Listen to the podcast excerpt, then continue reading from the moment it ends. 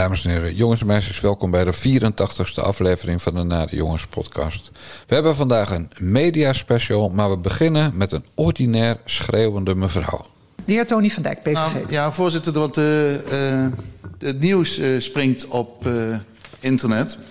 dat de minister Kaag de fout is ingegaan met de witwasregels. Ik zou eigenlijk een brief willen voor morgen, haar eerste termijn... waarbij ze tekst en uitleg geeft...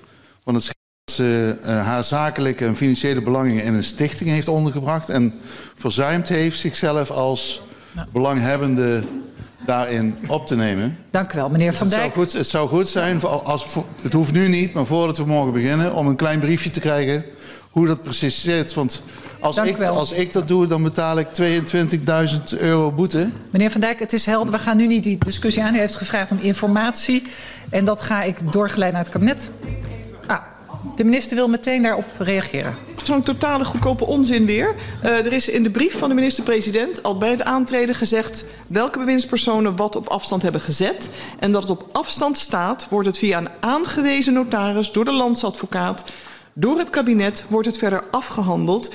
Bij andere gevallen ook, ik ben er één van, is dat door de notaris weggezet in een stichting met drie bestuurders en die zijn door de notaris aangemerkt als belanghebbende.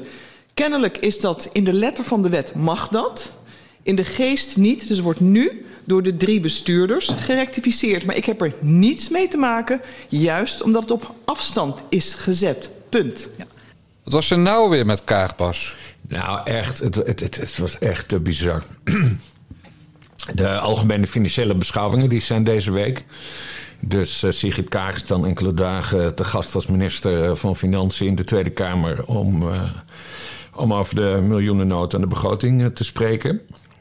En vanmorgen berichtte volgens mij RTL Nieuws uh, dat er een administratieve fout was gemaakt uh, met, de, met de stichting, haar eigen stichting, die ja. al haar belangen op afstand zette. Bijna elke minister of staatssecretaris die heeft wel een, een vakantiewoning en een aandelenportefeuille. En dat wordt dan in een stichting gestopt. En die stichting, zo heet dat dan, wordt dan op afstand gezet. Uh, dat is gewoon een hele nette, keurige regeling. Alleen die stichting van Kaag, die had gewoon een administratieve fout gemaakt. Want zij stond namelijk zelf niet als belanghebbende of zo ingeschreven. Ja, UBO heet dat. Uh, ja, nou, en dat is helemaal niet erg, want dat wordt ook allemaal aangepast. Uh, alleen, wat natuurlijk wel een beetje pijnlijk is, is dat ze daarmee haar eigen uh, witwasregels heeft overtreden. Wat helemaal niet wil zeggen dat Sigrid Kaag aan het witwassen is, maar het is gewoon pijnlijk dat de minister, juist de minister, uitgerekend de minister van Financiën in zo'n situatie terechtkomt. Nou ja, dat stond dus in de media vanmorgen. Uh, vanmiddag is dat debat gaande. Uh, en dan krijgen ze dus een woedeaanval nadat uh, Tony van Dijk, ook wel bekend als Tony Saxofonie van Dijk, omdat hij saxofoonspeler is, ja. van de PVV, formeel aan haar even een briefje vraagt. Hè? Want hij, als Kamerlid heeft hij het ook alleen maar uit de media. Ja. Dus hij vraagt gewoon keurig formeel aan, aan, aan Kaag. Hij zegt ook niet, hij maakt er ook niet enorme stampij van. Hij zegt, kunt u wellicht even een briefje aan ons sturen, dan weten we hoe het zit. Maar Kaag, terwijl hij nog aan het, de vraag aan het stellen is, krijgt ze een woedeaanval. En ze begint te gesticuleren naar, uh, naar Vera Bergkamp. En, en, en uiteindelijk begint ze te schreeuwen. Nou ja, goed, dat heeft iedereen ja. nu net gehoord. Uh, ze heeft echt anger issues. Die, die arme man, die stelt gewoon een vraag. Een fatsoenlijke vraag. Een fatsoenlijke vraag. Van, kunnen we het formeel even op papier hebben? Ja. Dat is volstrekt gebruikelijk. Omdat, omdat ook Kamerleden willen niet afhankelijk zijn van de media. Nee. En nee, het, het, er is echt iets gruwelijks mis. Want met, met Kaag, ze, ze, heeft gewoon geen respect voor de Tweede Kamer, lijkt het wel. Ja, dat, dat, is echt dat, te bizar. Dat wist maar wel. dat is ook gelijk zo boos worden. Ik snap het niet. Het is nee. helemaal niet nodig. Kom on. Nee, jij bagatelliseert het wel, hè? Want een, als je een bedrijf hebt of een stichting... Dan wordt inderdaad verplicht wettelijk om te melden wie de uiteindelijke belanghebbende is. En dat, ja. dan moet je een UBO-formulier uh, invullen. Ja. Maar als je dat niet doet, kan je tot 22.500 euro boete krijgen van de Belastingdienst die onder ja. Sigrid Kaag valt. Dus het is wel, het is wel degelijk een, een ernstige fout als je het niet doet. En wat, het, uh, wat er vergoeilijkend te zeggen is, is dat het notariskantoor dit geregeld heeft in haar geval. Mm -hmm. Eh, opvallend is dat er in die stichting zit één huis, namelijk een villa in Zwitserland die ze verhuurt. En haar beleggingsportefeuille. Ja. Ja, we weten toch niet beter of de eh, kaartjes, CQ de alkakjes, bezitten vier à vijf huizen. ja, maar goed, die kunnen dan weer op naam van een man staan natuurlijk. Ja, Dus dat, precies. eh, de, die constructies. En, eh, en die hoeft Ja. dat dan niet te melden via een UBO-formulier, omdat het buitenland is. ja. Maar dat. eh, eh, Nee, maar goed, kijk, je weet, hè, Bas schrijf je met de B van barmhartigheid. Dat is waar. Ik, ik benader het meer eerder als... het is gewoon een hele domme administratieve fout geweest. En nou ja, logischerwijs komen er vragen over. Dus nou, het enige wat ze had hoeven zeggen is... eh, u krijgt een brief. eh, Meneer Van Dijk, ik, eh, ik zet het Ja. even op papier. En dan heeft u morgen voor aanvang van het debat... heeft u dat in uw e-mailbox. En Ja. laten we dan nu verder gaan met het debat. Nee, maar zij maakt er een enorme stampij Ja. van. Voor de tweede keer in vak in korte tijd. Het is, ik, nou ja, goed. Mee dat ze niet wegliepen. Nee, dat, eh, dat had ik ook al bijna verwacht. Gaat ze nou weer weer eh, boos weglopen? Ja. en dan moet iedereen mee. Nou, er zaten er niet zoveel vanmiddag. Maar ja, ja. nee, treurig. goed. De mens is dus gewoon echt gestoord. Ja. En dit, eh, dit is typisch gedrag van een, eh, een- een verwend kutkind eigenlijk. En dat is natuurlijk in die partij. Ja, ja, Ja. ja. Nee, ze, ze doet alsof de regels niet voor haar gelden of zo. Maar, maar het, het is vooral het, het gebrek aan, aan respect voor de nationale vergaderzaal. Ze is daar te gast, hè? Ja. Het lijkt wel alsof ze daar helemaal niet bij stilstaat. Ze is de gast in de Tweede Kamer. Nee, dat ziet zij anders. De Tweede Kamer eh, is dienstbaar anders, aan haar agenda, dat Ja, klopt. Ze, ze, ze- volgens mij ziet ze zichzelf als iemand die vanuit de hemel op de aarde is neergedaald om, eh, om allemaal goede werken te verrichten of zo. Maar dat, Ja. eh, er Iedereen denkt wel af. dat, dat God een man was, maar God heet gewoon Sigrid, Kaag. Ja. En die eh, komt wel even regelen. Het is wel rijkelijk laat, moet ik zeggen. Er zijn al wat oorlogjes geweest. Hey, maar eh, D66 dat scheidt heeft aan de Tweede Kamer. En, eh, en, en God, goed bruggetje naar Johan Remkes. Want die eh, haalde op het eind van zijn presentatie van het stikstofrapport... Wat die, waar die nu opeens wel weer een soort bemiddelaar werd ge- genoemd. Maar die haalde nogal uit, zonder de naam te noemen, naar de D66. Kort fragmentje. Telegraaf. Ja, Edwin Timmer. Ehm, meneer Remkes, u zegt in uw rapport dat het waarschijnlijk is dat er, of logisch, dat er stapsgewijs een, eh, de veestapel in omvang afneemt. Is het zo dat er in één coalitie, coalitiepartij natuurlijk al jaren over 50% eh, eh, vermindering van de veestapel praat? Is dat nou een percentage wat u tijdens het schrijven van het rapport ook een beetje in uw hoofd had? Nee, die vraag is mij ook bij de presentatie van het adviescollege gesteld. Eh, halveren eh, komt niet in mijn jargon voor. En ik vind het, eh, laat ik ook dat er nog bij zeggen. Eh, ik, ik krijg wel eens een beetje de indruk dat dat eh, ook een soort geloofsartikel eh, is geworden. En juist van een partij die het pragmatisme hoog, hoog in het vaandel heeft, ben ik niet gewend om geloofsartikelen voorgehouden te krijgen. Ik vind dat ook buitengewoon onverstandig en onnodig polariserend. Nou, jij hebt natuurlijk eh, dat hele gedoe eh, vanmiddag zitten beluisteren. Vertel. Nou ja, wat, wat, waar Remkes het over heeft, het is dus natuurlijk eh, D66-Kamerlid Tjeerd Groot. Die zegt dat, dat sowieso de hele veestapel eh, gehalveerd moet worden. En Remkes die is daar ongenadig hard over. Want die zegt, ja, dit is onnodig polariserend. Dit, Ja. dit, dit, dit- wat is dit voor onzin? Iets, iets wat je trouwens ook terug hoorde verder in de hele presentatie, die heel lang duurde. Eh, dat Remkes er echt op wijst van, jongens, we moeten het samen doen. Er is echt te veel gepolariseerd. En dat verwijt hij de boeren. Hij vindt ook dat de boeren met één mond moeten spreken. Wat een, heel, heel verstandig advies is. Omdat je nu allemaal zoveel boerenclubs hebt. Het zijn allemaal verschillende facties. Eh, maar je, je zag, als je dan op Twitter even keek... eh, eh, heel veel aardige reacties over Remkes. Die vond dat, dat hij het goed deed. Ik vond dat hij het ook wel goed deed. Eigenlijk vind ik dat we een dictator moeten maken... voor de vijf jaar. En dat we hem sowieso moeten klonen... nu dat nog, nog mogelijk is. Ja. Nee, ik- hij was sowieso kritisch hoor. Ook over dat, dat gekke stikstofkaartje. ja. Waar dan eh, de Ameland opeens eh, de ground zero van stikstof is, terwijl er helemaal geen boeren zijn. Eh, hij zei van ja, nee, dat kaartje dat sloeg ook helemaal, helemaal nergens op. Maar of het, nou, of het nou hoopvol is, weet ik niet. Want hij wil dus wel 500 of 600 boerenbedrijven sluiten. En is bereid daar heel veel geld... of hij zegt dat daar heel veel geld voor Ja. moet worden uitgetrokken. Nou, dat hebben wij wel eens vaker besproken. en dat is- gedwongen moet. dat is mijn, dat is mijn ideale oplossing. Ja. Net zoals voor Groningen. Geef gewoon, geef gewoon heel veel geld aan al die mensen. En dan wordt het probleem opgelost. Alleen, ja, Remkes, en dat is natuurlijk wel weer moedig van hem. Of moedig, dat is gewoon zijn taak. En dat is hoe die is. Ja, die is ook eerlijk van... Ja, maar het kan ook gebeuren dat we moeten onteigenen. Ja, Dan, dan, dan krijg je ook nog wel geld. Maar dan gaat het allemaal wat minder vriendelijk. Eh, ja, ik, ik vraag me af... ik vraag me af of er nu echt iets veranderd is. En het gaat nu weer terug naar de politiek. Hè? Het kabinet gaat Ja. nu anderhalf, eh, anderhalve week, twee weken gaan ze dat hele rapport doorsplitten. En dan komt er een reactie van die, eh, die, die nieuwe minister van, eh, van Landbouw. Pietje Adema. Ja, Piet Adema, waarvan ik de naam nog niet heb geïnternaliseerd. Nou, dat kan je wel zo houden hoor. ja, en, eh, ja, maar goed, wat, de- wat denk jij? nou, ik heb... Allereerst, allereerst het, het optreden van Remkes. Ja, Remkes is natuurlijk een meester hierin. En, Mhm. dat, en wat, kijk, waarom Remkes alleen al scoort bij de mensen... is omdat hij in tegenstelling tot alle politici bijna eerlijk is. Ja. Je, je verrast tegenwoordig als politicus of mensen die daar tegenaan schurken... als je gewoon zegt wat je vindt.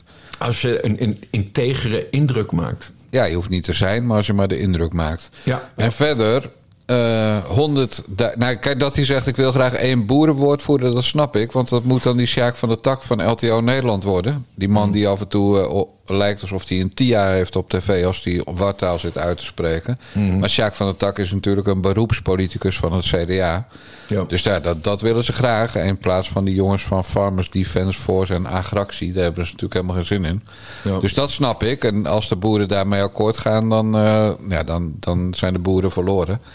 Ik Ja, denk. Of, of, of de boeren gaan gewoon eh, beter met elkaar overleggen. Ja, maar Sjaak van der Tak is iemand die gewoon het kabinetsbeleid wil uitvoeren. Ja, ja, uiteindelijk. en ja. die, die is helemaal. Sjaak van der Tak die, eh, die heeft ook nooit een, eh, een kip in zijn tuin gehad. Snap je? Nee, nee. Dus dat is. En bovendien, er zijn ook heel veel verschillende groepen eh, boeren. En vooral zijn de belangen heel verschillend. Want Ja. Remkes heeft heel serieus gesproken met allerlei biologische clubjes die dan 300 eh, boeren met een moestuin, eh, bij wijze van spreken, vertegenwoordigen. En die tellen net zo zwaar als al die veehouders. Ja. Ik ga jou vertellen dat er geen reet gaat veranderen aan die plannen van het kabinet uiteindelijk. Maar wat wel slim is, en dat was eigenlijk ook het eerste wat uitlekte, niet toevallig uit het rapport, was. Eh, nou, 2030 blijft wel staan, maar we moeten ergens tussen 2025 en 2028 een momentje kiezen dat we kijken of het allemaal wel gaat lukken voor 2030. Ja, ja, ja, dat Tijd kopen, opvallend. noem jij Ja. dat altijd. Ja. Eh, en dat is het ook, want daar, daar kunnen de boeren moeilijk nee tegen zeggen. Eh, nee, maar dat ook is, dat is gewoon, een, dat is gewoon een, een lolly voor in de toekomst... waarvan je helemaal niet weet of, of de boeren daar iets aan gaan hebben. Nee, maar dit is ook een manier om, om Wopke Hoekstra en het CDA weer binnenboord te krijgen. Die hebben gezegd 2030 is niet heilig. Nou, Ja. dat zegt Remkes. Die zegt 2030 is heilig. Maar we gaan over drie tot vijf jaar kijken of het nog steeds heilig is. Ja. Nou, dat is gewoon tijd kopen en, en dan zal Rutte toch eindelijk wel weg zijn. Maar de, de En boeren zijn gewoon de Sjaakbas. kabinet En weet ik veel. Ja, de boeren zijn de Sjaak. En die 5 tot 600 die binnen een jaar eh, uitzicht moeten hebben op eh, lagere stikstofuitstoot. In principe wordt dat vertrekken, stoppen. Ja. Ja, die gaan gewoon gedwongen worden met. die gaan gedwongen worden. En gedwongen worden was voor de boerenorganisaties onaanvaardbaar. Punt. Ja, ja. Dus ik, ik vind het, vond het een mooie presentatie. Eh, Pietje Adema was, eh, was nu al sneu bij zijn eerste grote optreden. Met Ja. ik heb dit mooiste cadeau ook gekregen. Bloemen, kaarten. Maar dit rapport is het mooiste cadeau. ja. Ja, dikke lul, drie bier. En eh, Nee, maar daarom, daarom ik, ik zei het voor de grap, we moeten Johan Remkes dictator maken. Maar Ja. eigenlijk zou ik hem gewoon dit, dit, hè, dit, dit hele proces ook verder willen zien leiden. ja, eigenlijk zou hij een betere premier zijn dan Rutte. Ja, of, Ja. of maak hem gewoon boeren, boeren tsaar. Hè? Dat, hij, dat hij gewoon dit hele project gaat doen. Maar ja, goed, hij is ook al dik in de 70. En hij, 71. Ja, Oké, hij is echt vroeg in de 70. oké. ja, maar hij ziet er ouder uit, daar komt Ja, het door. hij rookt te veel. En, en hij zit al heel, heel lang in de politiek.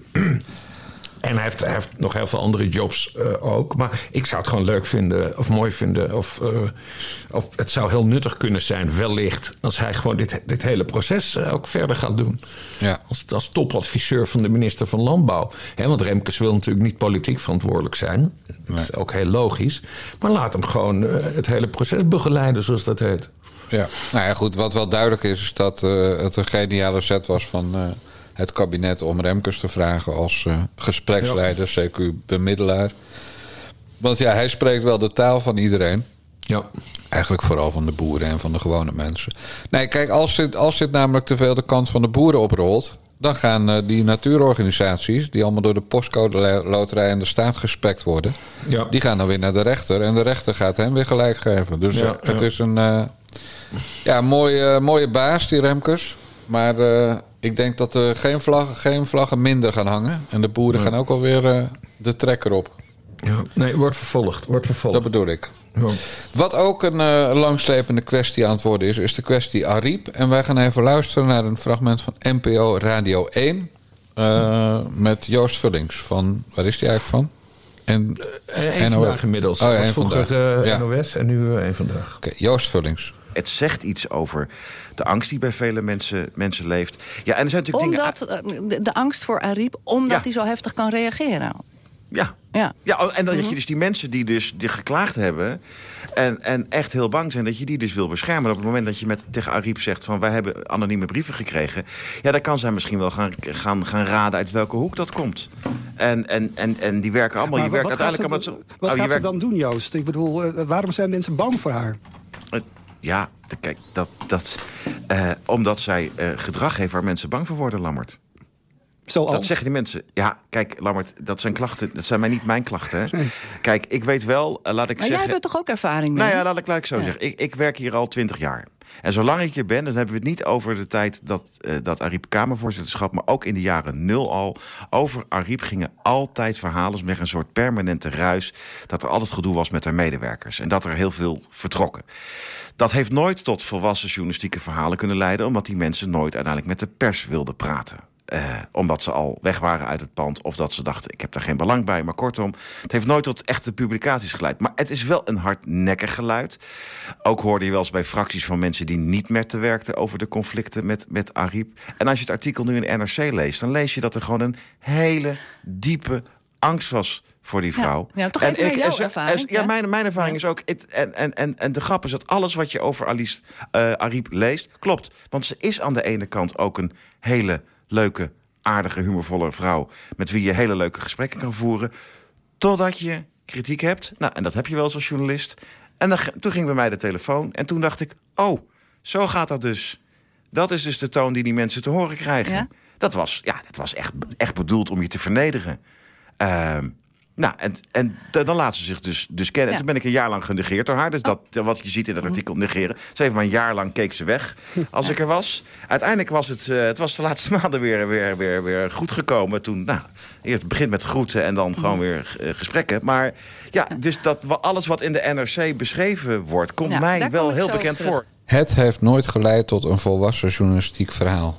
Nee. Dat is de kern van, eh, van, van waarom de media in Nederland al lang niet meer de vierde of vijfde of weet Ja. ik hoeveelste mag zijn. Maar stel dat Ja, je. nee, even kort over Joost. Joost Vullings is, is echt een oud gediende in Den Haag. Hij is begonnen in september 2002, zeg ik uit het hoofd. Eh, ik ken hem vanuit het voorbijgaan. En we hebben natuurlijk wel eens een praatje gemaakt. Want ik ben... eh, Ik begon Allemans in- vriend. Ik begon in december 2002 in Den Haag. Eh, dus ik heb gezien hoe hij, hoe hij opereerde. En be- best wel goed vond ik. Hij was dus radioverslaggever voor, eh, voor de NOS. En hij zit nu inmiddels bij eh een vandaag dus. Eh, maar ik vond het altijd een hele goede journalist. Alleen toen ik dit verhaal hoorde... eh, ik ga niet de achternaam noemen, want dat vind ik, eh, vind ik lullig. Maar we hadden vroeger een collega, eh, eh, die heette Jochem G. eh, bij Metro. En als, als we dan nieuws hadden, dan zei hij... Oh, wist ik al, wist ik al. Ja. Nou ja, dat moet je nooit zeggen, want... Waarom heb je dat niet opgeschreven, lul? Nee, daarom, dan gaf jij Ja. je gewoon op zijn kop. Idioot, waarom hadden wij de primeur dan niet? Ja, precies. Oh ja, ja, ja, nee, ja, ja, hop. En dan ging je weer een broodje naar binnen of een zak chips, weet ik veel. Ja, hij was al gezet. Maar goed, dat, dat type van wist ik al is heel erg naar. En Vullings, ja, die doet dat nu ook een beetje. Want hij zegt dus dat hij een jaar is genegeerd door, eh, door Riep. Ja, maar waarom heb je dat, daar dan niet eerder een item van gemaakt? Ja. Alleen dat al was een leuk item En, ik snap, en ik, ik, ik snap het wel, want dat, dat is die vier- paar vierkante kilometer die Den Haag is. En je moet mensen ook te vriend houden. Maar je kan niet achteraf eh, eh, met zulke grote verhalen komen... als je er helemaal niks mee heeft, hebt gedaan. En hij heeft er dus helemaal niks mee gedaan. Nee, zoals zoveel er niks Ja. mee gedaan hebben. Ja. Nee, en dan ook, kijk, eh, het is ook een kulredenering, hè? Mhm. Want die mensen wilden niet praten of die mensen waren al weg. En dus heeft het nooit tot een volwassen journalistieke productie geleid. Maar dat is, eh, dat, dat is maar net hoe goed je zoekt hè? en hoe lang je doorvraagt. Want stel dat Ariep toen een PVV'er was geweest... dan hadden ze verdomd goed hun best gedaan om het wel allemaal boven water te Ja, krijgen. ja, en dat, ja. dat heb ik al vaker gezegd. Kijk, als je iets niet onderzoekt, dan vind je ook nooit een schuldige. Nee. En dat zei ik al voor ze bijvoorbeeld Demming echt gingen onderzoeken. Van, uiteindelijk moest er een, eh, een, eh, een rechercheonderzoek komen. Ja, als de recherche met heel veel tegenzin gedwongen wordt om een onderzoek te doen... Ja. dan weet je de uitkomst van tevoren al. Dan, dan, dan vinken ze even wat vakjes af van... nou, we hebben dit gedaan, we hebben dat gedaan. En goh, Ja. helaas, we hebben niks kunnen vinden. De groetjes. Nee, maar goed, dat geldt ook een beetje voor NRC Handelsblad natuurlijk. Terwijl, hè, natuurlijk hartstikke goed dat zij dit allemaal hebben aangejaagd. En het is een mooi primeur, dit en dat, bla bla, bla. Maar goed, NRC wist het natuurlijk ook al jaren. Ja, natuurlijk. Iedereen. Ja. Ik, ik moet met jou ook nog een hartig woordje spreken Ik over... wist van eh, niks, want ik ben al sinds 2009 weg van het Binnenhof. Dus, dus dit, soort, dit soort details, die, die ken ik gewoon verder niet. Eh, dus mij valt niks te verwijten. Ja, maar Ariep was in, was in de jaren nul eh, binnen de PvdA ook al omstreden, vertelt nu iedereen. En medewerkers renden ook al Nou ja, dat heb ik nooit meegekregen. Ik, eh, Nee, je was natuurlijk weer gecharmeerd ik van dat... Ik ken, haar, eh, ik, ken haar, ik ken haar uit die periode natuurlijk. Ja, ik heb er nooit echt problemen mee gehad. Nee. Ik kon er altijd bellen of een vraag stellen. ja, leuke vrouw. Staat op mijn lijst. Hè? Ja, het is sowieso een leuke vrouw. ik ben, nee, ik vind haar heel Dol op Marokkaanse en, vrouwen. En aardig, ja. Ja. Nee, maar goed, het, het gebeurt hè, dat Kamerleden dan soms journalisten in de band doen. Mij, mij is het nog nooit overkomen. Eén keer dacht ik dat het zou gebeuren. Nou, dat verhaal hebben we hier, hebben we hier wel eens besproken. Dat VVD-Kamerlid, dat werd eh gechanteerd door zijn homohoer. Charlie Abtroot. Eh, Charlie Abtroot. eh, VVD is daar keurig mee omgegaan. Ja. Eh, ze hadden metro in de bank kunnen doen. Hebben ze niet gedaan. Nee. Gewoon eh, alle lijnen bleven open. Eh, we konden over alles, eh, over alles praten. Van D66 trouwens, ik weet niet meer wie dat het laatst opschreef. Maar van D66 is ook bekend hè, dat ze journalisten in de band doen. Ja, ja. Ik weet niet meer wie dat zei. Dat, dat, dat ging volgens mij ook over die, die- MeToo-affaire. ja. Eh, nee, D66 doet het, eh, doet het wel. Die doen gewoon hele journalisten in, eh, in de ban. En dan, word je niet meer teruggebeld. Voor mij mag flauw. dat trouwens hoor. Nee, ik vind dat dat mag. Ze zijn tot niets verplicht. Ja, oké. Is Ik, waar. ik ga Is nog waar. even twee, twee mensen, CQ-bedrijven, een compliment geven. Want ja, ik, ik ben zoals je weet op reces geweest. Dus dan ga je weer vrolijk beginnen. Oh ja, je bent, wanneer ben je geland? Gisteravond. Oké, heel goed. Laat. En eh, Noorwegen en Zweden. ja. Een lange reis geweest. zo, mag je wel zeggen. Ja, en Schimmelpenninck eh heeft geen blauwe ogen. Dus missie mislukt, zeggen ze dan. Goed, twee complimenten aan twee partijen. De eerste is NRC Handelsblad. Eh, het is zo makkelijk om nu te roepen... ah, NRC heeft 32 anonieme getuigen. Waarom anoniem? Bla. Flikker op. Het verhaal over Ariep in NRC... eh, dat, dat klonk, en Joost Vullings bevestigde dat dus net... dat klonk qua incidenten buitengewoon geloofwaardig. Dus ik vind dat NRC dat prima op, eh, op papier heeft gezet. Daarna Ton F. van Dijk. Die is eh, een beetje verliefd op Ariep... omdat hij toen zijn huis in de fik werd gestoken... een paar jaar geleden een berichtje van Ariep kreeg. Met, Ja, eh, dat vond ik dus niet zo sterk dat hij dat in zijn verhaal. Nou ja, Waar we zo over gaan hebben. Maar dat, ja, moet, dat, moet dat nou die, die, die, die couleur, dat de Kamer. Voor mij wel. Ja, voor mij wel. Oké. Nee, want dan, dan, dan geef je aan. Hij zegt ook gewoon: ik ben niet objectief vanwege die reden. Eh, maar goed, Ja, die zetten tegenover een zootje anonieme ambtenaren die juist zeggen: Ariep eh, is helemaal toppie joppie, maar ze heeft inderdaad wel een scherpe kantjes. Nee, en, en een, een mail van een echte van een Ja, ambtenaar met Ja, ja. naam en toenaam. Ja, nee, dat klopt. Maar ik heb het nu over zijn verhaal waarin hij eh, eh, nadrukkelijk eh, meldt dat hij een tegengeluid wil laten horen. Dat andere, die mail was een nieuwsverhaal. Maar goed, dat, ik vind dat NRC dat gewoon prima heeft gedaan. De timing is natuurlijk buitengewoon verdacht. Want Bergkamp ligt onder vuur en NRC is een, is een D66-krant. En NRC heeft ook al een keer op Pieter Omtzigt karaktermoord gepleegd. Dus NRC is gewoon een kutkrant. Hè? Wat Joop Visser zong ooit over de Volkskrant. Geldt voor NRC net zo hard. Maar ik, het verhaal op zich, gewoon als je objectief naar kijkt, was gewoon een prima verhaal van eh Lammy en eh, Hugo Lochtenburg. Luchtenburg, Lam, lam ja. Lam, Nee, Lammy heet die voor mij. ja. Ik noem maar altijd lam ja. Zeg maar toch, eh, toch geblokt, dat kutwijf. Ja, Al die oh. hoofddoekjes moeten mij niet, Bas. Oh, wat jammer. Nee, ik ken haar heel lang. Ze werkte vroeger bij BNR. Ik vind het echt heel erg goed. Dat weet ik toch, daar kwam ik toch vroeger. En dan, dan eh, was zij redacteur en dan was Oh, zij ja, aardig. tuurlijk. Ja, ja. Ja, ja, ja. Maar goed, complimenten dus voor NRC. En voor wie ik ook complimenten heb in de kwestie Ariep is voor Lianne Den Haan. Dat is namelijk de enige die iets heel belangrijks opvoerde. Als er sprake zou zijn van grensoverschrijdend gedrag, hè, niet seksueel getint in het geval van Ariep. eh, Nee, althans, daarvan is ons nog niks bekend. Eh, maar als er sprake is van grensoverschrijdend gedrag richting personeel, dan moet je opkomen, in dit geval het presidium dus. eh, maar eigenlijk had de griffier dat, griffier dat moeten doen voor het personeel. Dat is namelijk het. eh, dus wat Lianne Den Haan zei was. allemaal leuk en aardig deze verhalen. Maar dit gaat om klachten van Kamerpersoneel. En die moeten gewoon netjes behandeld worden. Nou, dat is even los van alles wat ik van Lianne Den Haan vind. eh, vreselijk. Nou, ik ga het allemaal niet zeggen, want geen zin in juridische kosten zo vlak na mijn reces. Ja. Eh, maar dat, ja, dat vond ik wel gewoon een goede invalshoek. Van ho, ho, ho, het gaat wel om mensen. Ja, ja nee, dat was dinsdag. Hè? Dinsdag Ja. was er een aanvraag voor een debat over de kwestie. Eh, B, hoe heet het? BVNL van Wieber van Haga. Wieber van Haga vroeg dat debat aan. Maar uiteindelijk wilde niemand het. Zelfs eh, volgens mij Vorm voor, Dem ja, nee, Vorm voor Democratie wilde het wel. Maar de, de- rest van de Kamer wilde het liever in een, eh, in een commissiedebat bespreken. Eh, omdat ze het, waar ze gelijk in hebben, omdat het ook heel erg navelstaderig is. Ehm, eh, maar eh, Lilian Den Haan had het daar inderdaad over. Wat zei ze nou? Corporate governance.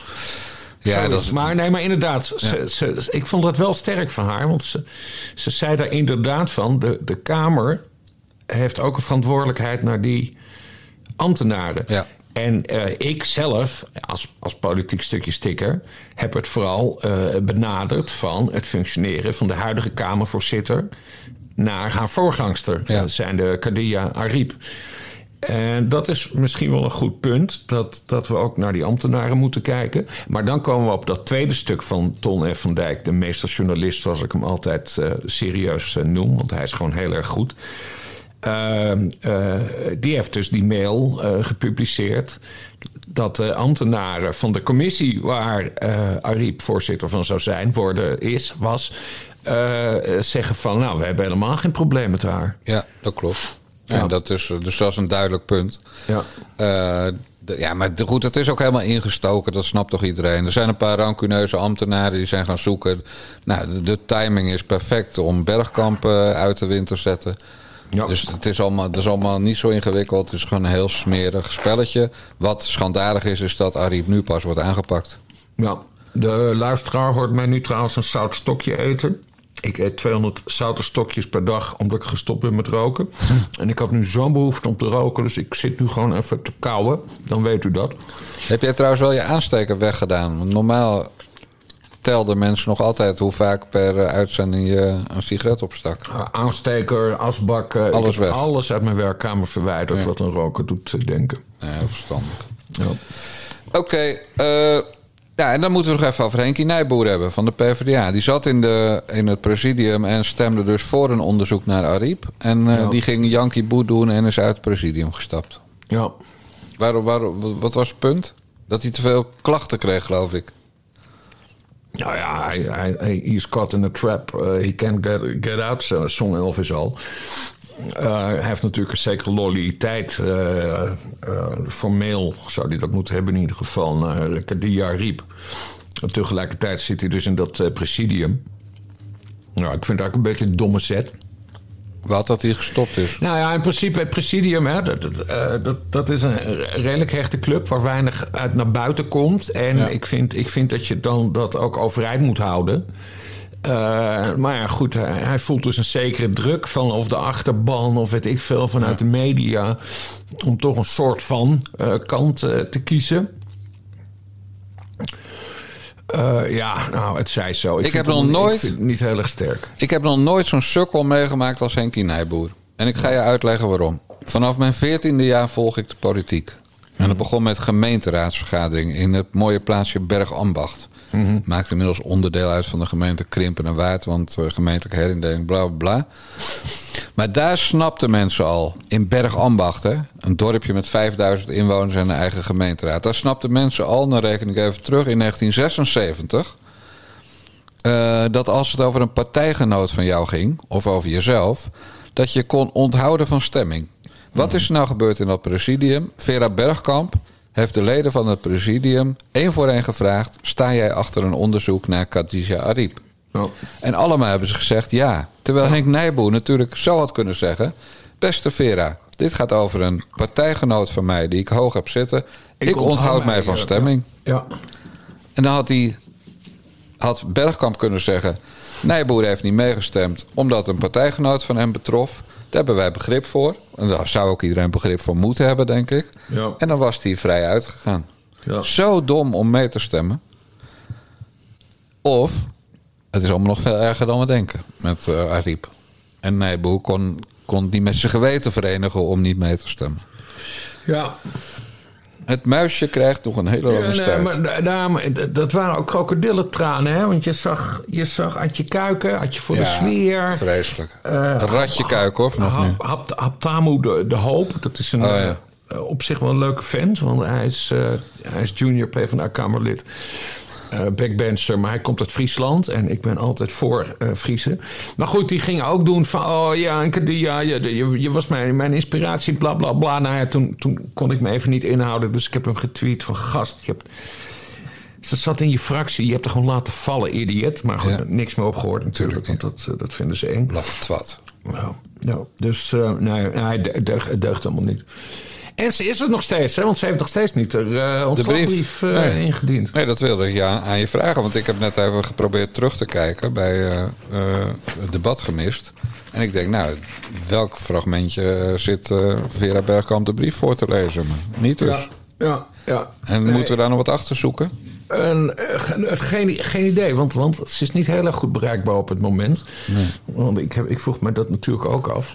Ehm, eh, ja, kijk, eh, ze had gewoon een briefje kunnen sturen aan de Kamer. Want ze heeft nu al gezegd, ik, ik stap op. Nou ja, dan moet je dat formali- formaliseren met een briefje aan de Kamer. Heeft ze nog niet gedaan. Nou, daar is een reden voor. Wat zou die reden kunnen zijn? Ja, ik denk dat we dan moeten zoeken in het juridisch of zo. Dat, eh, of ze wil gewoon, eh, wat een mooie term is... die heb ik van Lutz Jacobi gejat van de PvdA. angst in die harten jagen. Oh ja. Dus eh, gewoon laat, laat even die fractie maar even bungelen. Laat de hele fucking Ja. Tweede Kamer maar even bungelen. Ik heb mijn ziel en zaligheid in, in ruim twintig jaar in dit parlement gestopt. En, eh, en dan zou ik nu gelijk even een briefje moeten sturen dat ik weg ben. Nee hoor. Ik, eh, nee, angst in die harten jagen. Ik vind het zo'n mooie term. Ja, of ze zet het gewoon op Twitter, net als de verklaring. En Ja, ook. met cc'tje Tweede Kamer. Maar goed, dus duidelijk, zij, zij bepaalt de regie. Ja. Dia Riep bepaalt de regie en niemand anders. En terecht, want ze is gewoon verneukt, vind ik. Eh, ja, dat, is, dat heb je al meerdere keren gezegd. Ja, ja. Maar goed, iemand die helemaal op jouw eh, witte lijst staat, in plaats van de zwarte, ja, die, die kunnen op je bord schijten en je zegt nog, eh, nou, smakelijk, eh, smakelijk hapje. Een heerlijk hapje. Ja, zou, ik zit zoute stengels te eten, zeg je dan. Terwijl eigenlijk gewoon de stront van Kaji... Ka- Kaji... Kaji... Nou. Maar goed, nu wordt het alweer te... Ja, dan moet, ordinair moeten we niet hebben. Dan gaan we even luisteren naar een gentleman. And that is the real problem, colleagues. Why there is such a problem in this crisis? Because member states are reluctant to transfer new sovereignty and powers to the European Union. And we all know that the only way out of this crisis is a new transfer of powers to the European Union. Weet je wie ook Europese eenwording wilde? En ook zo hard kon gillen? Schreeuwend, schreeuwend te berden bracht. Oh, Jezus, man. dat is toch niet normaal? Wat is dat? Het is, dat is echt crazy gewoon. Hij heeft het zelf niet meer door. Die man is helemaal gestoord. Hij doet het altijd, Bas. Ja. Hij doet het altijd. Ja, nee, we hebben dit verhaal ook eerder van hem gehoord. Nee, het is echt helemaal bizar. Deze week. Hij, hij zit in Renew, hè? dat is de nieuwe fractie. En daar, of nieuwe fractie, die is er nu al inmiddels een tijdje. Maar vroeger was dat ALDE. En voor, dat zit de VVD en D66 ook in, toch? Dus Dat klopt. Ja, dat klopt. Dus hij Dus doet voor hun het. eh, Alles wat hij zegt, zegt hij ook namens Mark Rutte en Sigrid Kaag. Zo moet je het ongeveer zien. Kijk, en wat hij dus deed, dit ging weer over een crisis. Ik weet niet welke, maakt ook niet uit. Eh, maar wat hij deze week ook heeft gezegd, dat is dat Oekraïne onmiddellijk moet worden toegelaten tot de NAVO. En je kent artikel 5 van het NAVO-statuut. Ja, maar een echt bizar plan. Zo bizar. Ja, maar dat zegt, dat zegt dus de man die in eh, het Europees Parlement zit namens eh, VVD en D66. Ja, maar dit is ook de man die op dat, hoe heet dat, Maidanplein, wat Ja, was het? Met Hans van Balen Met, stond te met, met die goede oude Hans van Balen trouwens, wat ik, die, die ons te vroeg is ontvallen. En ik blijf het jammer vinden dat hij dat die toespraak heeft gehouden. Eh, maar met dat vuistje zwaaiend in de lucht van eh, Oekraïne, sta op en weet ik. Gast, het is het. het oh man, het is allemaal zo erg. Je zag het ook bij Short Sjoerdsma, hè? Ja. Eh, die, zei van eh, we moeten F-16's, eh, de F-16's naar Oekraïne sturen. Nou ja, los van het feit, we hebben nog wel wat F-16's. Maar eh, de Oekraïnse luchtmacht heeft sowieso daar helemaal niks aan. Maar Bas... Eh, want, nee, maar wacht even. Want eh, allereerst, onze F-16's die hebben nuclear capability. Nederlandse F-16's die zijn in staat om een atoombom af te gooien. Je wil niet dat zo'n land als Oekraïne over die techniek beschikt. En bovendien zal je de Oekraïnse piloten moeten opleiden om met een F-16 te vliegen. Want dat kunnen ze helemaal niet. Want die gasten zijn MIGs en, en Shu- Shu- Shulukovs of zo, weet ik hoe dat heet, gewend. Eh, het, het- dat D66 wil ons in een eh, oorlog storten, lijkt het wel. Ik, het, het heel, hoe heet dat op zijn Duits? Un, unheimlich. Onheimisch gevoel krijg je ervan. Ja, gevoel. Ja. Maar weet je dat je dit zondag in de kerkdienst eh, ook al hebt verteld? De Basje en Jan Moskee. ja, maar dit is de, de, dit is de open... Ja, het is nu een, het is nu een nette rent, maar toen ging je echt helemaal los op deze 60. Ja, maar zo- dat is mensen ook opgevallen. Ja? Ja, van die Jan Paternotte valt zijn eigen club ook keihard aan bij de Basje en Jan Moskee. Echt iedereen. Nee, maar serieus. Het wa- was mensen opgevallen dat je sinds je niet meer rookt, gewoon, ja, je bent gewoon eh, ongelooflijk aan het renten de hele tijd. Op, Ja, eh, ja. Bij ons. En vooral in onze uitzendingen die alleen maar bestemd zijn voor onze vrienden die we abonnees noemen. Ja, nou ja, goed. Ik hoop dat het niet mijn genuanceerde en barmhartige inborst eh teniet doet. Nou, daar wel hoor, kan ik je vertellen. maar goed, mensen die dat, willen, die dat ook willen horen... die moeten dus naar petjeaf.com slash naar de jongens. En die moeten 40 euro per jaar eh, storten of 4 euro eh, per maand. En dan kunnen ze meegenieten van een rentende Bas Paternotte. En ik garandeer jullie, zolang hij van de peuken afblijft... zal hij ermee doorgaan. En zelfs zijn eigen nest bevuilen. Ja. Want dat is D66 toch een Het beetje. is mijn nest niet. Hou op. Ja, joh.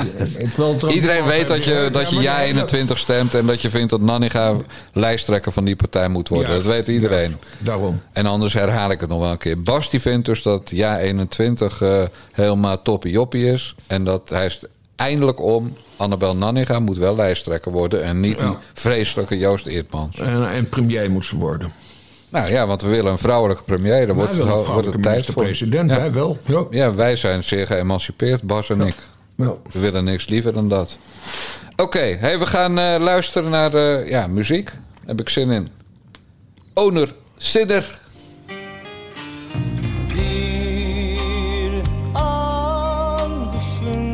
Olmaz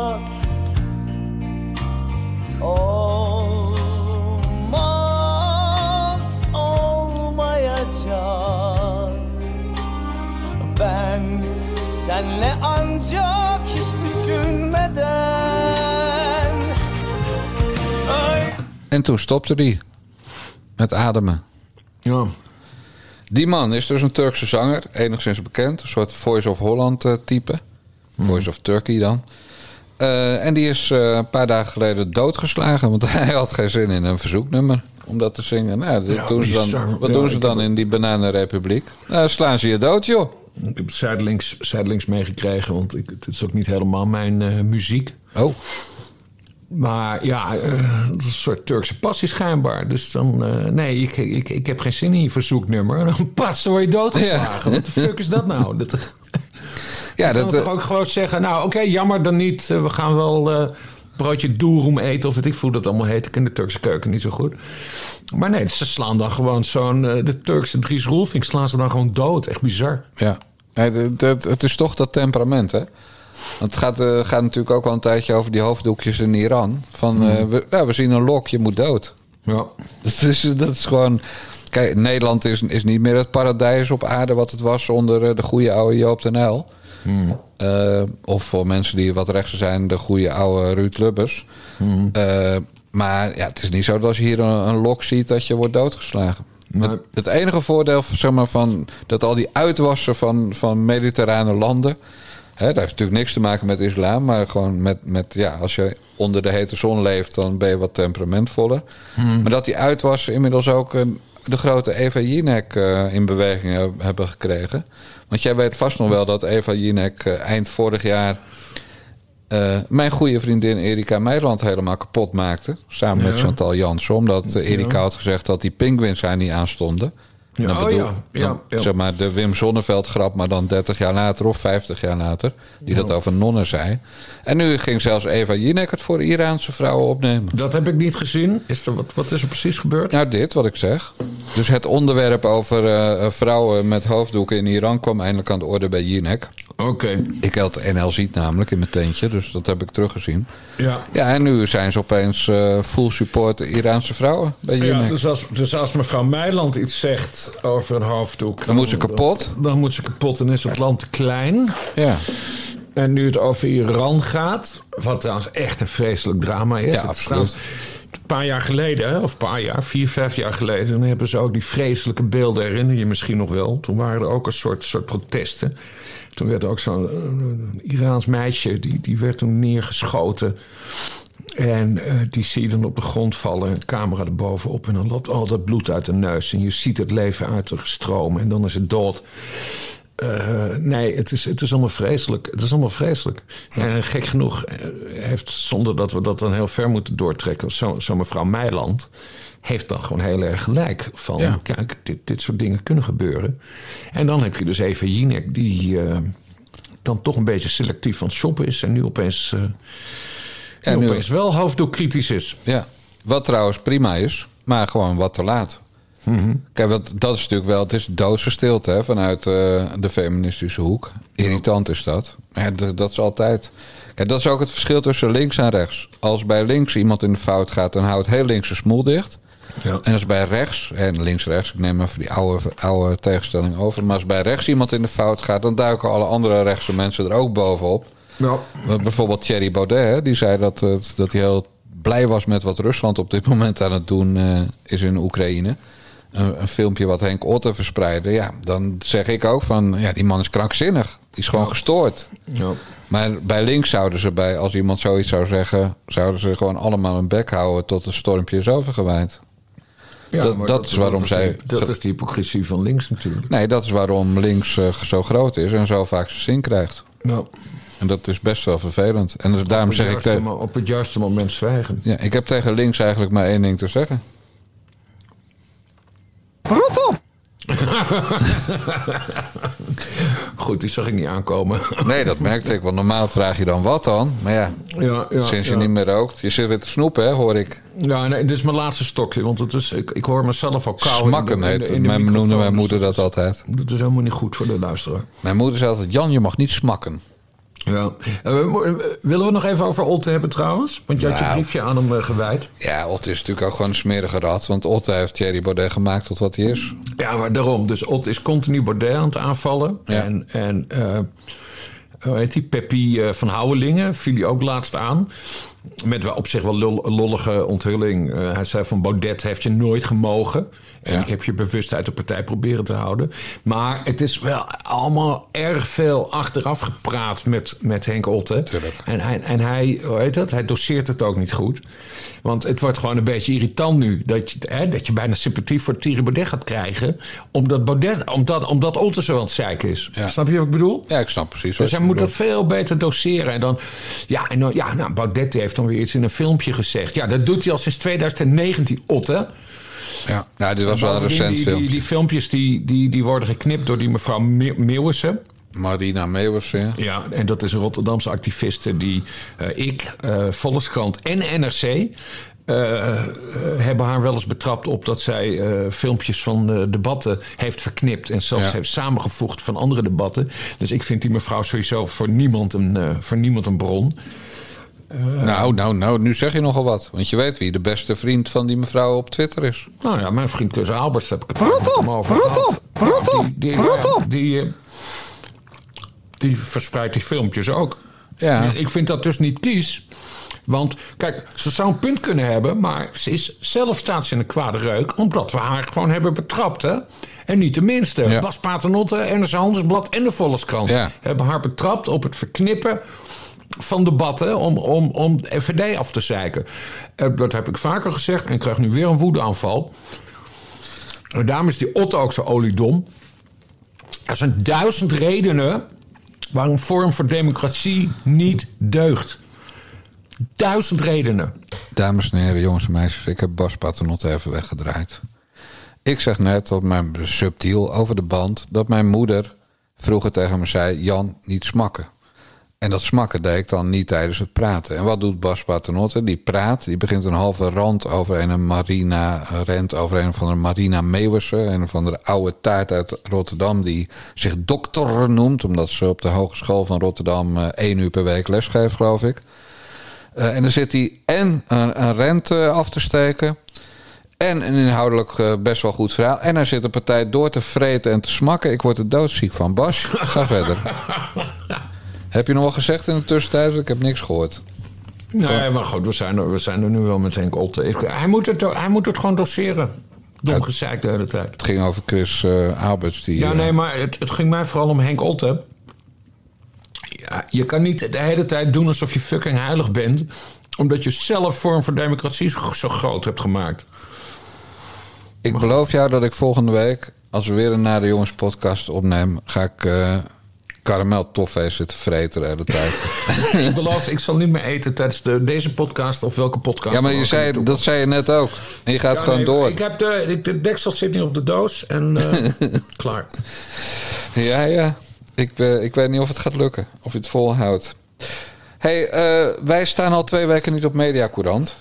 En je weet dat, wat dat betekent. Wij gaan even zorgen dat we weer op Mediacourant komen. Want op Mediacourant komen is goed voor onze merkwaarde, Bas Paternotte. Ja, ja.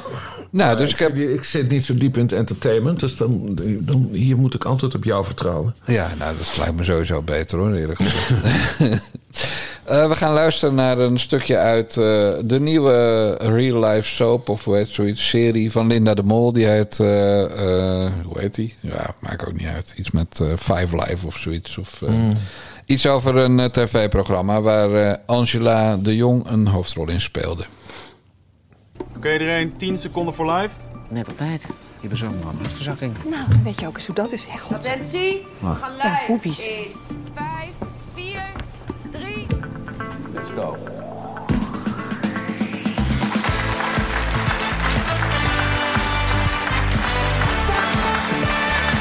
Attentie 2.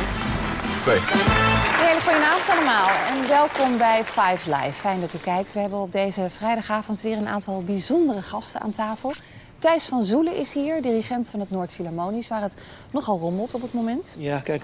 Multitalent, Lara Feiter. Ze is soapie en DJ. En vertelt ons in haar nieuwe boek hoe zij haar lichaam zo goddelijk strak weet te houden. Ja, ja. Ik maak meteen even bezwaar tegen het stempel Soapie. Oh, is dat een stempel? Ja, daar gaan we straks ongetwijfeld dieper op in. Zeker. Net als op de vraag of alleen een strak vrouwenlichaam goddelijk zou kunnen zijn. En de inmiddels onvermijdelijke Ellen Boetselaar, tv-recensent en nooit om een mening verlegen. Frans Bussink is op zijn zachtst gezegd niet erg blij met die mening en schreef een pittige open brief.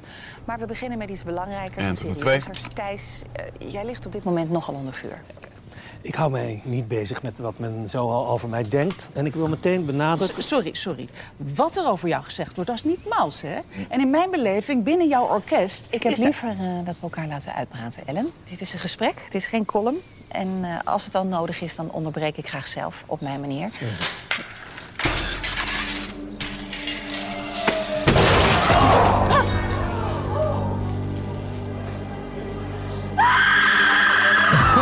Oh, dit heb ik gezien, ja. Ik, Verdomd. ik probeer het alleen maar weg te duwen. Ik, Je moet het gezien. jij ook. En je haar ook. Ja. Fuck. Fuck. Het, het fuck mijn haar. Voor 1 en 2. Heb je het gezien? Ja, eh, eh, op Twitter kwam, heb ik het heel kort gezien... terwijl ik met heel iets anders bezig was. En ik, ik heb daarna nog de context willen opzoeken... maar ik, ik, je weet, ik ben een druk bezet man en ik doe serieuze dingen. Eh, maar ik, het enige wat ik weet is dat, dat... eh, Het is dus dan een of andere film of zo, of een serie... En eh, die, die tv-recensent... Ja, een boetselaar. Ja, daar valt dan een, een, een lamp uit het decor valt er bovenop. En die is natuurlijk hartstikke dood. dan. Nee, die is niet dood. Oh, is ze niet dood? Nee, dat heb ik uit talpa-kringen gehoord. Ze leeft, en, maar ze li- ligt wel in het ziekenhuis. Maar is dit een soap of wat is het? Ja, het is gewoon een nieuwe serie met Linda de Mol. En die gaat over eh, een talkshow. De... Ja. En eh, nou, het verwijt is natuurlijk dat Linda de Mol nu wel heel ver gaat in het eh, terugpakken van Angela de Jong. En dat het extreem sneu was. Het verweer van Talpa is, nou die serie was al lang geschreven voor de rel bij de Voice of Holland losbarsten. Ja, want dat was dus mijn eerste vraag. Ja. Nou, stel jij maar je vragen, dan zal ik antwoord geven. Nou ja, de, de- in hoeverre verhoudt zich dit tot de Voice of Holland? Nou, als het al van tevoren geschreven was, eh, dan nog is, die, is deze aflevering gezien door heel veel Talpa-mensen, zegt Talpa ook. Eh, en dat betekent ook dat je voor het wordt uitgezonden, tussen het moment van opnemen en uitzenden, had je ook kunnen zeggen: Nou, we gaan even het eind van, eh, van deze aflevering anders maken. Want dit is wel zo kleuter, kleutergedrag. Ja. Dat je op deze manier wraak probeert te nemen op Angela de Jong. Ja, en heeft Angela de Jong gereageerd? Uiteraard, want Angela de Jong is, is iemand die dagelijks een column schrijft. En je weet dat mensen die dagelijks één of meer columns schrijven... Ja. dat die elk dingetje aanpakken om eh, eh, een onderwerp te hebben. Dus natuurlijk Ja, heeft een de Jong- briefje of een toetje. Of een, Precies. Zo werkt het in onze business. Dus nee, natuurlijk heeft Angela de Jong dat gedaan. Maar ook volkomen terecht. ja, maar wat heeft ze gezegd dan? Wat heeft ze geschreven? Nou ja, die, die het. wordt langzamerhand wel echt. eh, die gaat langzamerhand wel echt erboven staan. In de zin van ja, nou, ik weet niet meer letterlijk, maar komt er wel op neer, joh, als dit Linda helpt in het verwerkingsproces, moet ze vooral lekker op me gaan zitten schelden. Ja.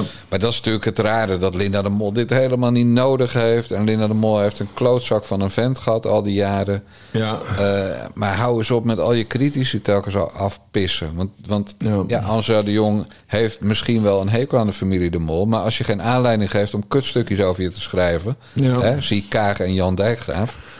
Eh, ja, als je geen aanleiding geeft, dan is er niks aan het handje. Maar de familie de Mol geeft nogal wat aanleiding. Ja, het is dus een soort, een soort perverse, uh, fantasie van, van Linda de Mol. Dat ze En die heeft natuurlijk niet zelf geschreven. Angela de Jong, een, uh, nee, maar wel goedgekeurd. Precies. Een, uh, een, een studiolamp laat vallen. Ja. Ja, ja. En het echte probleem... Ik, ik, koester trouwens, ik koester trouwens nul sympathie voor Angela de Jong. Dat snap ik. Ik sta niet Zij, op jouw nee, lijst. Even serieus. En dat, dat komt... Uh, vroeger las ik wel eens die columns van het AD, want dan, dan, kon je ze in de anonieme modus. Want ik heb zoveel abonnementen en, en ja. ik, ik, ga niet ook nog eens een abonnement op het AD nemen. Dus vroeger las ik die columns wel en die vond ik op zich wel geestig. Want het is, en media is altijd leuk en ze, ze, ze, ze heeft een grote smoel en is niet, niet bang om maar zegje te doen. Uh, maar toen was ze op een gegeven moment deelnemer bij de slimste mens. De slimste mens. En, uh, en, en ik, nou ja, ik, je hebt een bepaald soort type vrouw, wat met bloed onder de nagels kan halen. Een, soort arrogante, bedweterige, grote smoel, niet charmant zijnde uitstraling. En perfect, perf, zij is perfect zo. Zij, oh, ik trek dat. Ik zou het er niet op. Nee, dat mag ik niet zeggen. Ja, zeg het maar. Nee, nee. Je zou het er niet op kunnen? Ik zou het er niet op kunnen. Want jij valt niet op mollig, laten we zeggen nou, dik. ik vind, er, ik, ik vind het op zich een leuke vrouw om te zien. Ik vind, dat, helemaal, ik vind dat een beetje mollig, vind ik wel schetig altijd. Ja. Maar ze is gewoon reet irritant. Media Courant. grote smoel. Bas Paternotte, dubbele niet. punt. Ik zou het niet kunnen op Angela de Jong. Ik zie hem ja. voor me. Nou, we hebben een kop Courant in ieder geval. Maar weet je, ik zou dat dan subtieler zeggen. Maar dan komt dat ik natuurlijk van ons tweeën toch de beschaafde ben. Ik zou zeggen... Angela de Jong is typisch het meisje dat vroeger op de basisschool altijd als eerste haar vinger opstak als de meester of de juf midden in een vraag zat. Ja, juf, ik weet het, ik weet het, ik weet het. Of als ja, een ander. Nee, maar dat is er bij de hand. Ja, dat is het. Ja, kutkind is het geweest. Enig Ja. kind zijn dat soort types vaak. En dat, en, dat, en dat maakt me helemaal niet uit dat het een vrouw is. Want je hebt ook beide handen mannen. Dus, dus voordat we dat gezeik krijgen van eh, dat ik ook nog eens zo weet dat misogyn ben of zo. Ja, Tim Hofman beide- is ook zo iemand. Trek, beide handtypes trek ik gewoon heel slecht. Je Tim Rut- Hofman vind ik heel aardig Ja, trouwens. joh, ik zit te dollen. Je, Rutger Brechtman. Altijd mijn witte lijst en mijn zwarte. Ja, nee, Brechtman staat op de zwarte lijst. Ja. Ja. Brechtman is de, is de Angela de Jong van de correspondent. Ja, nee, ik ben gek op Angela de Jong. Echt? Ja. Die schrijft toch echt negen keer van de tien iets wat ik ook zou kunnen hebben opschrijven. Ja, ja, ja, maar dat zei ik al. Ik, maar ik, daarom vind ik het zo jammer dat ik die columns niet kan lezen. Want die vond ik wel goed inderdaad. Maar bij, bij de slimste mens was het eh, ja, was gênant. Je hebt ook toen een keer Ellen Dekwits gehad. Zeg, zegt dat je wat? Van Ja, vaag. Is het Volkskrant? NRC-columniste. Maar eigenlijk dichteres of schrijfster. Ja, vooral dichteres geloof ik. Mm. Die schrijft echt zouteloze columns... waarin altijd een neefje of een nichtje figureert. Maar die vond ik... Die had, Oh, Ellen Dekwits. Ja, Ja. ik weet wie. Zij deelt de column met eh, Marcel van Roosmalen in de NRC. Ja, maar, maar die, eh, die had bij de slimste mensen juist iets dat ik dacht van... goh, wat een leuk mens. Ja. Eh, dus die had de, de gunfactor. Die was ook echt supergoed. En, eh en Angela de Jong was gewoon te ambitieus. Dan, eh, Jezus Ja, Christus, maar- ga je nou ook nog zitten zuipen? Eh, wat zeg je? Ga je nou ook nog zitten zuipen? Nee, ik heb, ik heb, ik heb zo'n spa... eh, Ja, ja, ja, ja. ja. Ik heb een spa-machine gekocht. Al een tijdje. Nee, een soda maker. Oh god, man. Eh, eh, gast, ik gaf, ik gaf echt honderden euro's per maand uit aan flessen spa rood. Ja. Maar, maar nu heb ik een soda maker. Dat is een soort ding, dat fles water vullen met water. Eh, in dat ding stoppen en dan, dan komt er prik uit. Ik heb nog nooit zo'n slechte advertorial gehoord. Hier gaan we geen geld voor krijgen. Ja, maar dat komt omdat je me overvalt. Ja. Ik wilde nog wat zeggen over die Ellen Dekwits. Ja. Want ik heb daar hetzelfde mee. Die columns van haar in NRC die zijn namelijk niet te hachelen. Ik sla ze daarom ook over. Want het is inderdaad altijd weer Mijn een neefje, of mijn een nichtje. Ja. of een vriendin. Opa. Oh, kots, kots, kots. Eh, maar ik heb die dus ook gezien bij de slimste mens. Ja. En toen vond ik haar ook leuk. Ik heb, ja, ik heb nog een leuke anekdote over de slimste mensen, hoe dat hier gaat. Mhm. wij, eh, wij, wij kijken dus altijd terug. Eh, en, me- en mevrouw Dijkgraaf heeft dan de afstandsbediening in handen. Mhm. Eh, terugkijken is sowieso slim, omdat je dan reclame kunt doorspoelen. Eh, Nou heb je bij de publieke omroep wat minder, maar goed. Ja. Bij ons wordt altijd Philip Frederiks doorgezept. Eh sorry, Maarten van Rossum wordt altijd doorgezept. Dus hij staat aan en dan stelt Philip Frederiks een vraag aan Maarten van Rossum. En dan spoelt ze hem op keer 64, de snelheid. Omdat ze zo'n bloedhekel aan Maarten van Rossum heeft. Dus ze vindt het een geweldig programma. Maar ze wil gewoon per se Maarten van Rossum niet horen. Dus het, het is heel raar om daarbij te zitten. Terwijl je denkt, ja, ik vind het ook saai wat hij allemaal vertelt. En, en pedant en gespeeld en bla bla bla. Maar die, die drie minuten in een uur, die, dat trek ik wel. Maar Ja. zij weigert dus echt gewoon om live naar de slimste mensen te kijken vanwege die vieze man. Ja. Nou, dat is wel geinig, toch? Ja. Ik zal, zal ik dan nog één anekdote vertellen over de slimste mens? Ja. Mijn lieve vriendin Annabel Nanninga, die deed jaren geleden mee. En toen keek ik echt nog televisie, dus ik had heel vaak de slimste, slimste mens gekeken.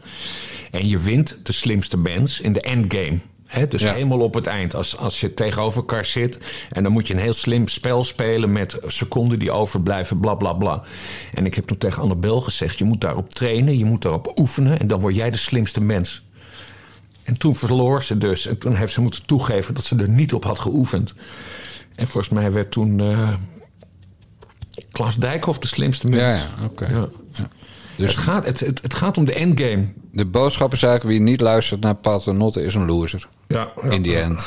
Ja. In the endgame. In de endgame. Maar goed, Angela de Jong of Linda de Mol. Als je dan toch moet kiezen en je moet het op één kunnen, wie kies je dan? Even nadenken nu. Eh, Neem je tijd, dit- neem een slok. Nee, nee, nee, want dit is een, dit is een gewetensvraag. Ehm, kijk, Linda de Mol is meer dan een soort van actrice of presentator. Ze is ook een mover en shaker eh, in de mediawereld. Dat heeft ze op eigen kracht gedaan. Eh, wat ook meehelpt, is dat haar broer nogal hoog in de boom zit. Ja, nogal. Eh Ansela de Jong is een hele vervelende vrouw. Maar in principe, ik weet niet of ze freelancer is of dat ze in dienst is. In dienst. Het Algemeen Dagblad. Oké, in dienst. Eh, dat, is een, eh, dat is gewoon een journaliste die haar werk probeert te doen. Je kan dan misschien klagen over de manier waarop en hoe ze zich uit. Nee, maar ze ligt toch bij Ansela de Jong. De vraag was niet bij wie je sympathie lag. En dan ben ik vergeten wat de vraag was, Jan. Als je het met een van de twee moet doen, welke van de twee dat Oh dan mijn wordt? god, je, je betrekt het nu in het seksuele.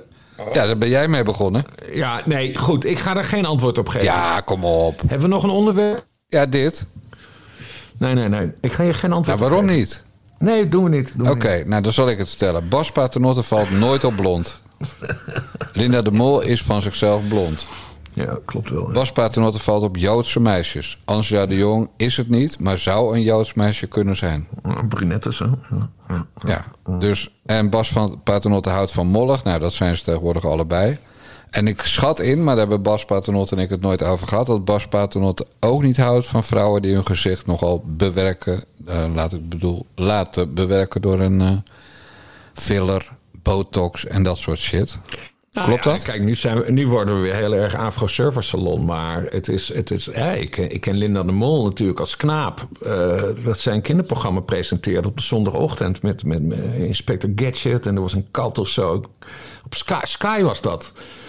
En het was, eh, Linda de Mol was toen echt de girl next door. Een leuke frisse kop en zo. Maar ja, die is nu zo vol gebotoxed. Het ziet er gewoon niet meer uit. Nou, ik denk dat wij nu antwoord hebben, beste mensen. Als Bas Paternotte per se, zeg maar... hoe noemen ze dat tegenwoordig? Onder stoom en kokend water? Of, eh, Ja, met stoom en kokend met water. stoom en kokend water moet beslissen. de Tweede Kamer, ja. Ja. Als hij daar dan moet beslissen met wie hij het gaat doen... dan kiest Bas Paternotte voor Angela de Jong. Ja. En misschien doet hij wel een pleister op de mond dat ze de bek houdt. Ja. Oké.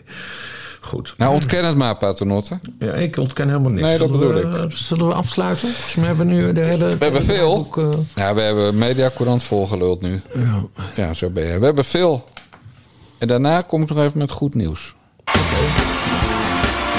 Want onder begeleiding van Phil Collins vertellen we altijd wie de afgelopen week zich hebben aangemeld als abonnee bij de Nare Jongens podcast. En dat zijn Mirjam, Joost, Lodewijk, Levi, Mona, Soraya, David, Petra, Peter, Hans, Annette, David, Mels, Patricia, Boris, Arjan en Eduard. En beste Bas, wat betekent dat? Nou? Meer dan 40% vrouwen. Oh, gezien onze... Onze, onze wijvenspecial. Ja, ja. oh, waarin we mooi. zeiden, eh, we krijgen 90% van onze abonnees is man. We moeten meer, meer, meer vrouwen. Ja. Het lukt. Ja, we zijn toch... eh, Ik zei meer dan 40, maar het, eh, is bijna aangeven. 40. Ja, ja. Dus- Ja, Het gaat ook goed met die petjes, hè? Ik zag dat we over de 800 zitten inmiddels. We moeten voor de 1000 gaan voor ons grote event. Ja, ons event is een biertje in de, in de wei bij de alpaca's van de familie Dijkgraaf. Op de foto met Bas Paternotte. Dus een, een zogenaamde selfie heet dat. Eh, en dan, eh ja, toedeledokie. Maar er wordt eh, gedacht aan het afhuren van het dorpshuis Irene in Vollega. Oh? Zodat als het tyfus weer is, dat we het daar gaan doen. Niet met de alpaca's, ja, nee, maar bier. dit tempo wordt het echt eh, tijdens de winter inderdaad. Midden in de winter wordt het. Ja. Ja. En dan hebben mensen natuurlijk heel koud. En dan huren we dat dorpshuis af. En dan zeggen we, we doen extra energietoeslag. Ja. Maar goed, het gaat dus... eh, omdat wij een wijvenspecial hebben gemaakt. Dus vrouwvriendelijk als we zijn. Ja, gaat het nu opeens crescendo, heet het zo? Crescendo. Ja, crescendo. Ja. Met, eh, met, met de aanmeldingen van dames. Nou, en terecht. Ja, dat laten, komt omdat wij grote voorstanders van diversiteit zijn. Dat zijn we altijd geweest. Altijd. Nou, laten we gewoon eerlijk zijn. Wij vinden vrouwen gewoon honderdduizend keer leuker dan mannen. Ja, dat sowieso. Dat, dat is het. Dus als wij hier in die wei staan en er komen allemaal van die mannen. Ja, fijn hoor dat jullie er zijn. Toppie toppie. Maar eh, uiteindelijk eh, gaat onze interesse toch uit naar de chickies. Zeker bij Bas Paternotte, want die is zo wanhopig dat hij het tegenwoordig met Angela de Jong zou kunnen doen. Oh mijn god, echt. Dit, oh, nu moet ik dit weer allemaal mijn vrouw uitleggen. En, oh. Die luistert niet naar ons. Nee, dat is waar. Nee, die van mij ook niet. ik vraag het echt wel eens aan van Monique, wat, wat vond je van de aflevering? Ja, jezus. Jullie maken er drie per week. Ik ga echt al die shit niet luisteren. Ja. Toen ik in, eh, in, in eh, Noorwegen en Zweden zat, was mevrouw Dijkgraaf natuurlijk gewoon mee. Dat snap jij wel. Hmm. Ik ga natuurlijk niet alleen, durf ook niet alleen naar het buitenland. Maar toen zei ze ook, drie keer per week moet dat. wa- Waarom doe je dat? Ik zei, nou, dat hebben wij beloofd. Mensen, toen, de tweede kwam toen we 500 eh, abonnees hadden, geloof ik. Of 100 zelfs. Ja, ja. En de derde kwam toen we 500 abonnees hadden. En bij 1000 eh, komt er geen nieuwe bij. Dan gaan we gewoon eh zuipen. Gaan we bier zuipen. Ja. En dan gaan ze met de alpaca op de foto. Nou ja, dat vond, vond ze toch een beter plan dan dat ik onze wandelvakantie in, in Zweden en Noorwegen onderbrak. Ja, voor bellen met Bassie. Ja, nee, het, is, het is wel echt werk aan het worden. Hè? Ik vind het wel leuk eigenlijk. Dus nee, joh, al zouden we het eh, elke dag doen, maar gaan we niet doen, dan moeten we echt. eh, bij Ja, maar dat is 10.000 te veel. abonnees. Daar Nee, heb ik bij, het echt te druk voor om het iedere dag te maken. Je hebt, dat doet die Marcel van Roosmalen, hè? Met die, met die vent. Hoe heet die? Gijs, Gijs Groenteman. Gijs Groenteman, zoon van, eh, van Hanneke. Die maken dagelijks een podcast. In principe, ja. Dat, dat, nee, maar dat, dat, dat zou ik helemaal niet kunnen. doen de Vlieger en Geiraat ook. Ja, nee, dat is natuurlijk wel zo. Maar laten we nou eerlijk zijn, Bas. Stel nou dat wij eh 10.000 abonnees zouden hebben. Hmm. Dan gaan wij al ons andere werk opgeven. hoor. Ik zie gewoon nu je rekenmachine gaan. Ja, nee, ik, ja, ik zat even in een uurtje factuurtje te denken, inderdaad. Ja, nee, dan wordt het, dan wordt het inderdaad wel interessant. Ik durf wel te zeggen dat wij bij 10.000... Bij, als wij 10.000 abonnees hebben... wil ik wel beloven dat we twee podcasts per dag gaan maken. Ja, Zeven dagen in de week. ja. Ik, eh, ja. Ja. Even, ik leg dit even bij mezelf in de week. Ja, doe dat. Maar voorlopig zitten we pas op 800. Dus Ja, nee, daarom. Dus we, zijn nog, we zitten nog lang niet op 10.000. Maar het is wel interessant om over na te denken. We zijn op weg. Het is zijn een. op eh, we, we, we klimmen. We groeien. We gaan nog altijd vooruit. Wat we ook zeggen over FVD'ers. We groeien nog steeds. Ja, precies. Ik kijk nu trouwens op Twitter en ik zie dat het D66-trollenleger op mij is afgestuurd. Want? Uh, Sigrid Kaag gaat helemaal geen woede aanvallen. Ze was helemaal niet aan het schreeuwen. Echt, idiots. Kijk gewoon naar de video. Ze gaat uit de plaat. Idiots. Oh, ik trek het allemaal niet meer. Nee, nou, ga lekker, eh, eh, ga lekker snoepen. Zoute Ja, zet hem, stengels eten. Ja, zet hem online. Ik vond het weer een hele vruchtbaar, vruchtbaar gesprek. En ik ben blij dat je terug bent in Holland. Eh, ja, ik, ik heb deze dienstopdracht begrepen, Bas. Ik zeg de mazzel. Doei, doei.